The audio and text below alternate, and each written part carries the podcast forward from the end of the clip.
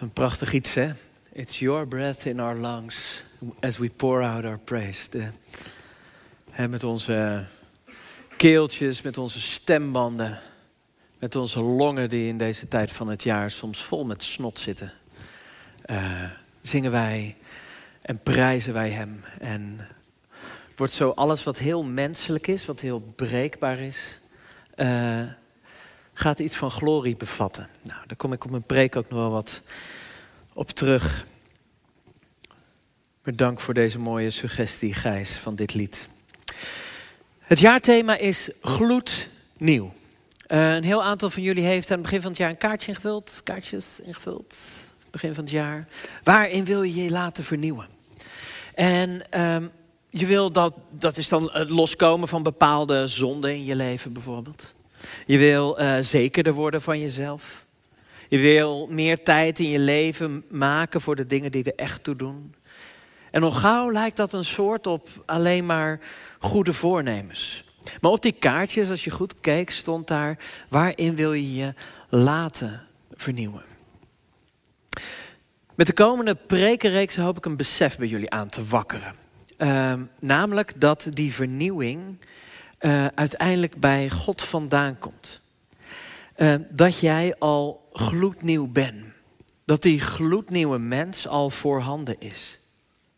Oftewel dat dat nieuwe, datgene waar je naar verlangt, niet iets is wat nog moet gaan ontstaan, maar dat jij in de doop al nieuw leven mocht ontvangen. En dat dat nieuwe leven als een soort parallele werkelijkheid aanwezig is in het leven nu. En hopelijk ook een beetje hoe we door kunnen breken naar dat leven. Hoe dat meer zichtbaar kan worden in ons leven. Um, en dat we er zoveel glimpjes van mogen gaan opvangen dat het uiteindelijk meer waar zal zijn in ons leven dan het leven hier. Dat het, het onzichtbare meer werkelijkheid mag zijn voor jou dan het, uh, de, het zichtbare. Uh, een beetje zoals uh, Narnia. Wie heeft Narnia gelezen? Prachtig hè? Prachtig hè? Ehm, Susan, Edmund, Lucy en Peter. De kinderen die in Narnia zijn geweest en die dan terugkomen in deze wereld. Uh, terwijl ze daar tientallen jaren koningen en koninginnen over een ander land zijn geweest. En zij dragen in zichzelf, in de wereld hier, die kennis met zich mee. Dat zij prinsen en prinsessen, dat zij koningen en koninginnen zijn in een ander land. Ze hebben een werkelijkheid hier, maar tegelijkertijd is er ook die werkelijkheid daar, waar zij tot volledige ontplooiing uh, gekomen zijn. Waar zij geoefend hebben met, met moed en dapperheid en liefde. En uh, ze dragen dat verhaal met zich mee in het leven hier. Zo moet je het ongeveer zien. Het is, zij dragen met zich mee wat C.S. Lewis, dus de schrijver van Narnia, in een van zijn meest bekende toespraken noemt: The weight of glory. Het gewicht van de heerlijkheid. En dat komt, dat, die tekst, hè, dus the weight of glory, het gewicht van de heerlijkheid, komt uit de tekst van vandaag. En ik, laten we het eerst met elkaar lezen en dan zal ik nog wat toelichting geven ook.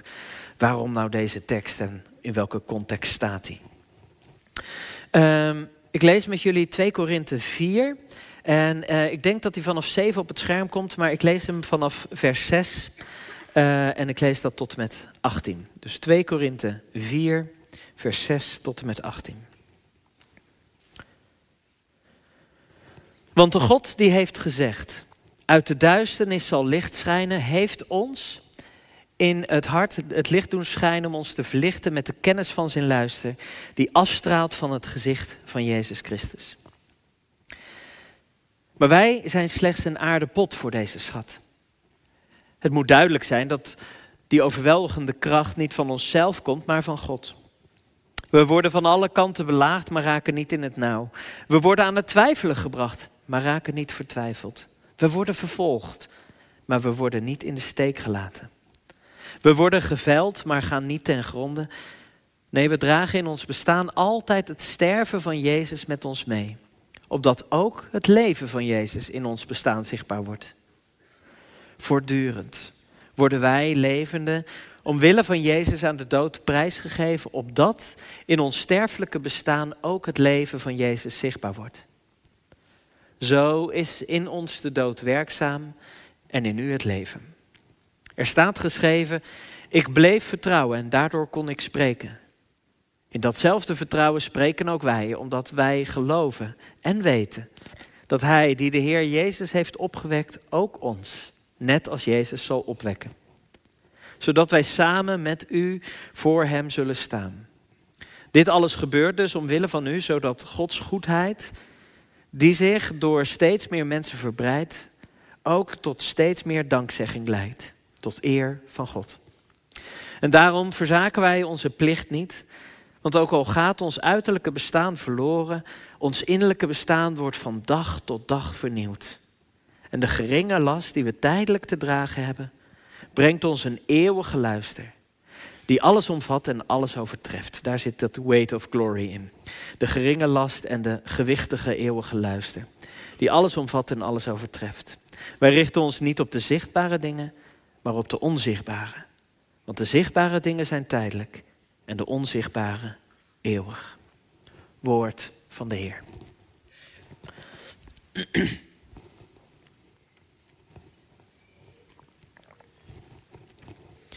Het is een pittige tekst en ik ik heb er zelf ook. Uh, ik ben er ook lang mee bezig geweest om, om, om helder te krijgen wat er nou precies in staat. En nog zal ik een hele hoop dingen missen. Maar lees hem gerust na, na mijn preek dan voor jezelf thuis nog een keer door. En ik hoop dat hij dan iets meer duidelijk wordt.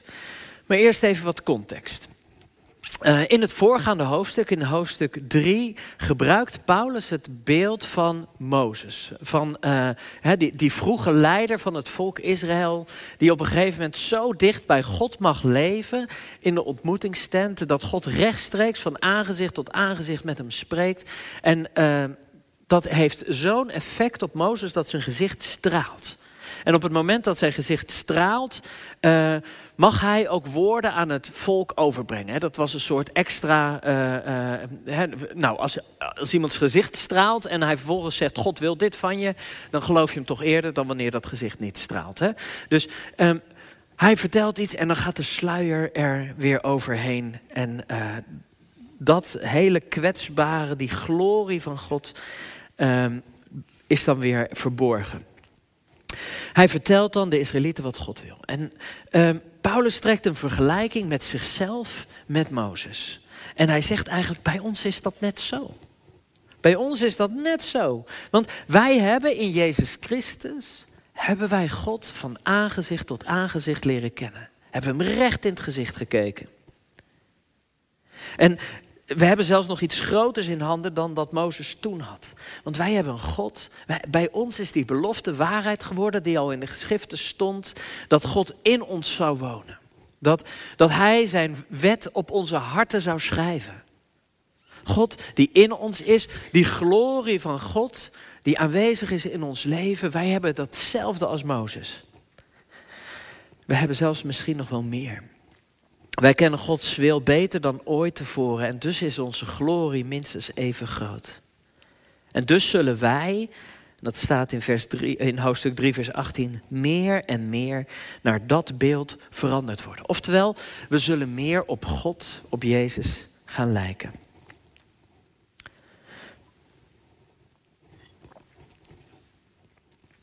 En nou zijn er uh, meerdere leraren actief in Korinthe met wie het goed gaat, die ook een soort welvaartsevangelie uh, lijken te preken. En Paulus, daar gaat het niet goed mee. Hij maakt iets vreselijks mee in Efeze en vertelt daar ook nog eens openlijk over. En de vraag die, die leeft, die onder die brief zit, is van, maar hoe zit dat dan? Hoe, hoe kan het, Paulus, dat jij dan hè, zegt die glorie van God te weerspiegelen, dat wij in jou Gods wil over ons leven kenbaar gemaakt krijgen en dat het niet goed gaat? Dat jij daar in Efeze die vreselijke dingen meemaakt. We weten niet precies wat hij meemaakte, maar er wordt naar verwezen in deze brief dat er, dat er een hele hoop dingen misgaan daar. Um, hoe kan het dat jouw leven geen glorie weerspiegelt? Want God zorgt toch goed voor de rechtvaardigen. Als, als je christen wordt, dan mag je toch rekenen op een leven voor, vol voorspoed. Want God zorgt toch goed voor zijn kinderen. Hoe? En daarmee raakt hij een snaar die ook ons raakt. Die in ons leven ook uh, iets is. Die, die, een vraag die veel mensen van ons zich ook gesteld hebben. Hoe, hoe kan mij dit nou overkomen? waarom? Waarom gebeurt dit? God houdt toch van me? Als je gelooft, zou er toch niets meer misgaan in je leven? Maar dat is niet zo. En dat is een dwaalleer die ook in Nederland uh, behoorlijk welig tiert. In mijn studietijd was dat Pastor Prince. Wie heeft wel eens van Pastor Prince gehoord? Nee, ja, ja een paar, uh, paar mensen. Um, en nu in, uh, in Nederland is ook een Tom de Wal actief. Die, die preken dit. Die preken dat, dat als je maar genoeg bidt, als je maar genoeg gelooft, dan gaat er niets meer mis in je leven. En ik kom dat nu in de pastorale praktijk, dus in mijn ontmoetingen met gemeenteleden, kom ik het geregeld tegen. Dat mensen daardoor ook in verwarring zijn geraakt. En met verkeerde verwachtingen naar het leven toegaan. Maar Paulus is ontzettend realistisch.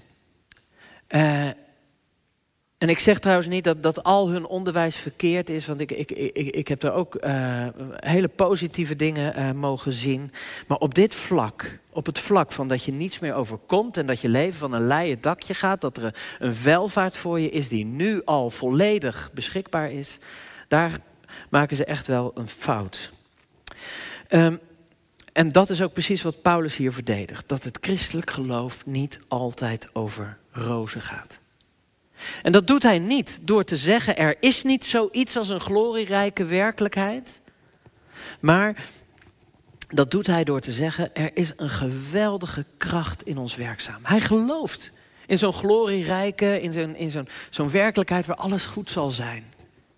Maar tegelijkertijd, en, en, en, dat is ook, uh, hij gelooft er zelfs zo sterk in, dat, dat hij ook gelooft dat niets hem eronder kan krijgen. Omdat die werkelijk, juist omdat die werkelijkheid er is.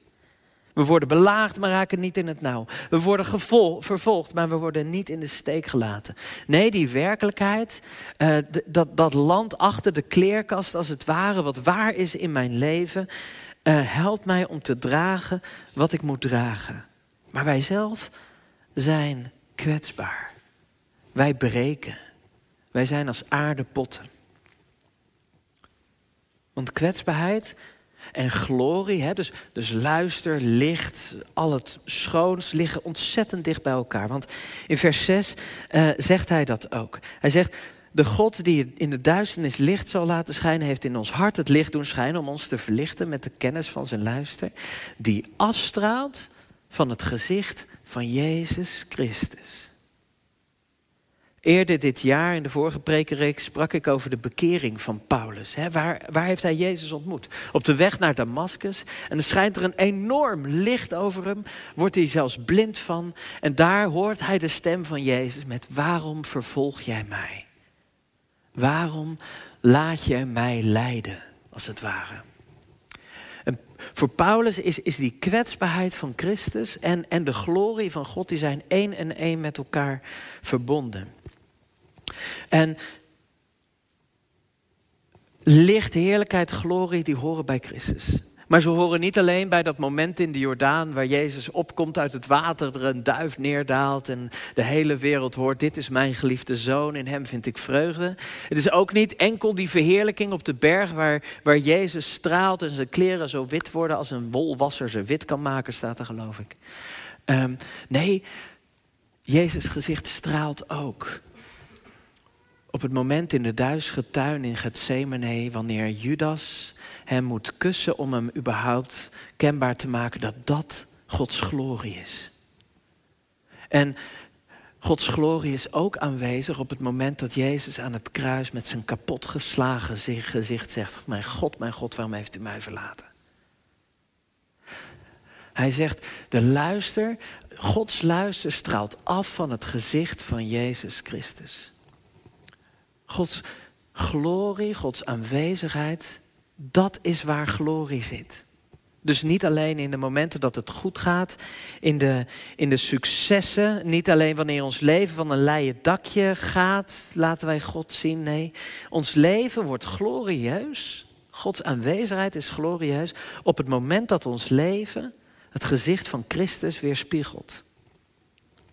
We weerspiegelen. En het leven van Jezus laat zich niet enkel weerspiegelen in wonderen en successen. Nee, het leven van Jezus Gods aanwezigheid laat zich net zo goed weerspiegelen in ons lijden. En dat heeft iets te maken met de psalm die vervolgens door Paulus gequote wordt. Psalm 116, vers 10. En uh, in de MBV staat daar, en je moet eigenlijk die psalm moet je thuis nog even helemaal doorlezen, want het is prachtig. Um, uh, in vers 10 staat daar in, in onze vertaling, dus MBV 21, ik bleef vertrouwen, ook al zei ik, ik ben diep ongelukkig. Dus ik bleef vertrouwen ook al. Maar die tegenstelling, dat is, dat is denk ik geen goede vertaling. Want eigenlijk staat daar, en dat is ook hoe Paulus hem hier interpreteert, is: ik heb vertrouwd. Ik, ik, ik, was aan het vertrouwen toen ik sprak. Ik word zwaar getroffen. Op het moment dat ik uitsprak, ik werd zwaar getroffen, was ik bezig met geloven, was ik bezig met vertrouwen. Dat is, ons vertrouwen blijkt juist uit het ongefilterd uitspreken van onze kwetsbaarheid. En daar zijn wij hier in Vathorst eigenlijk ook niet zo goed in mensen. Het uitspreken van onze kwetsbaarheid. We hebben hele dikke voordeuren. En alles wat lelijk is, alles wat, uh, wat slecht gaat, al onze problemen, uh, laten we het liefste achter die voordeur. Wat een getuigenis. Gaat er uit van die psalm. Want, want eerst zegt hij dit. Hè, ik, ik, ik, ik, vertrouwde toen ik sprak. Ik word zo heftig getroffen. Uh, begint hij verderop voluit God te prijzen. Juist vanuit zijn pijn en vanuit zijn verdriet. Vanuit zijn kwetsbaarheid. Daar begint hij volop God te prijzen.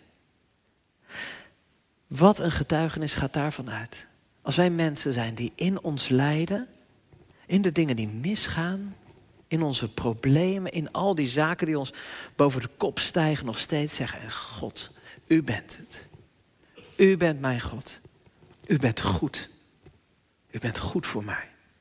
Als we dat nog steeds kunnen prijzen, niet alleen als het goed gaat, maar juist als het minder gaat. Als er geen ruis meer op, op zit van de schone schijn.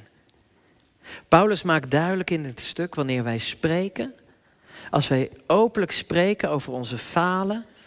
Ja, Paulus maakt duidelijk aan de Korinthebrief, uh, aan de Corinthiërs.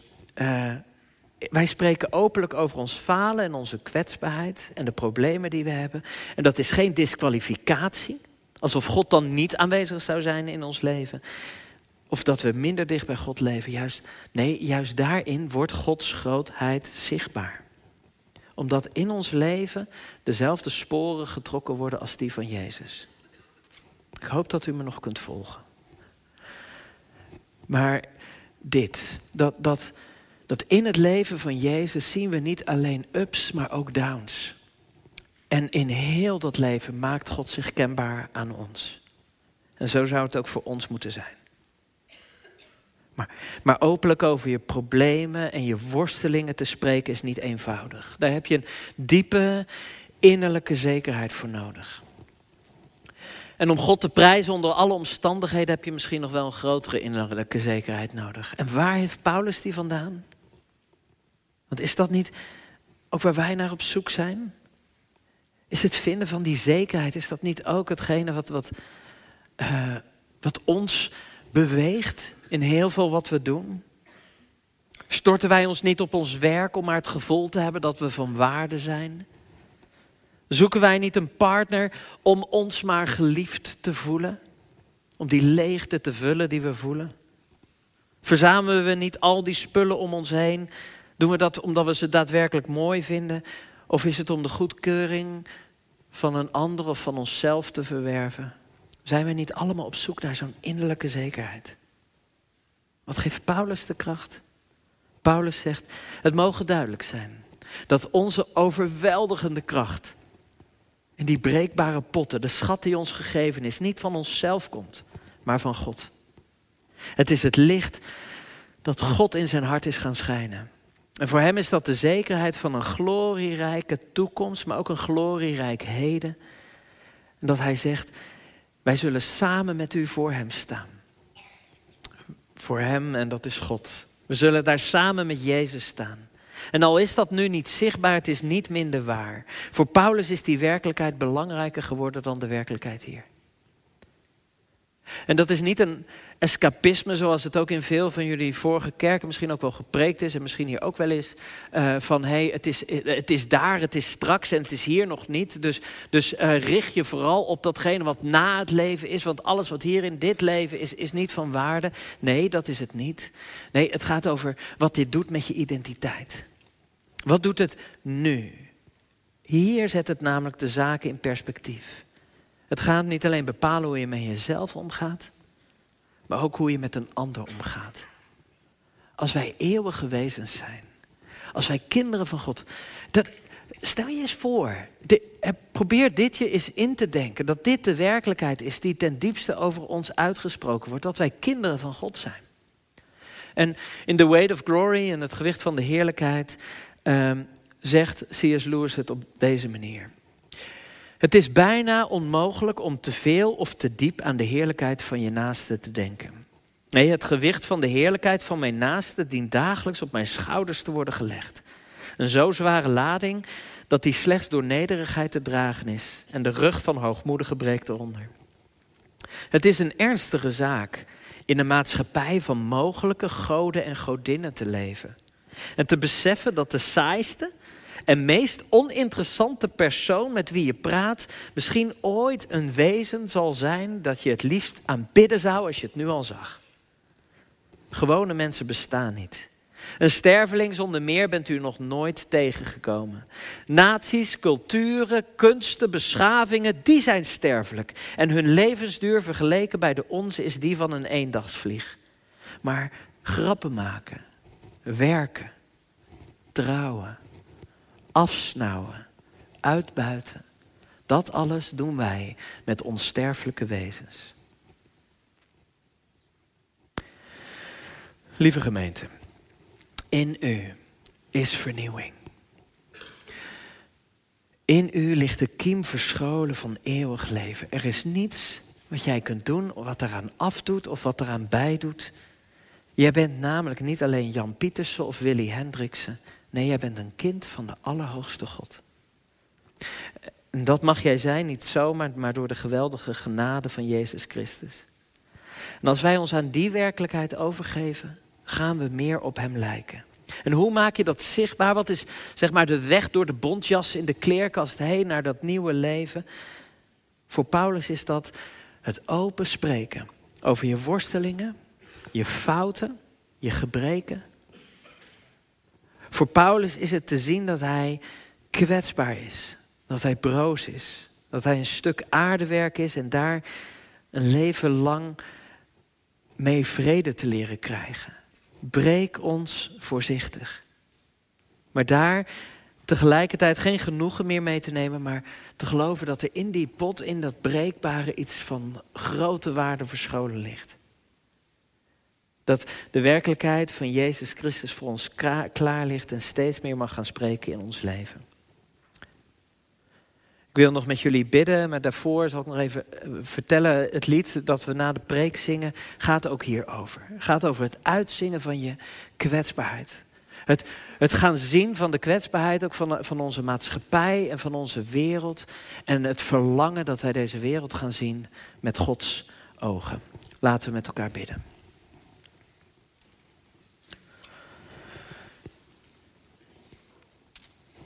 Vader, we zijn kwetsbaar klein.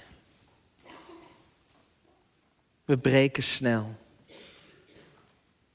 We doen op zoveel manieren tekort aan de identiteit die u in ons gelegd hebt. Namelijk dat wij eeuwige mensen zijn.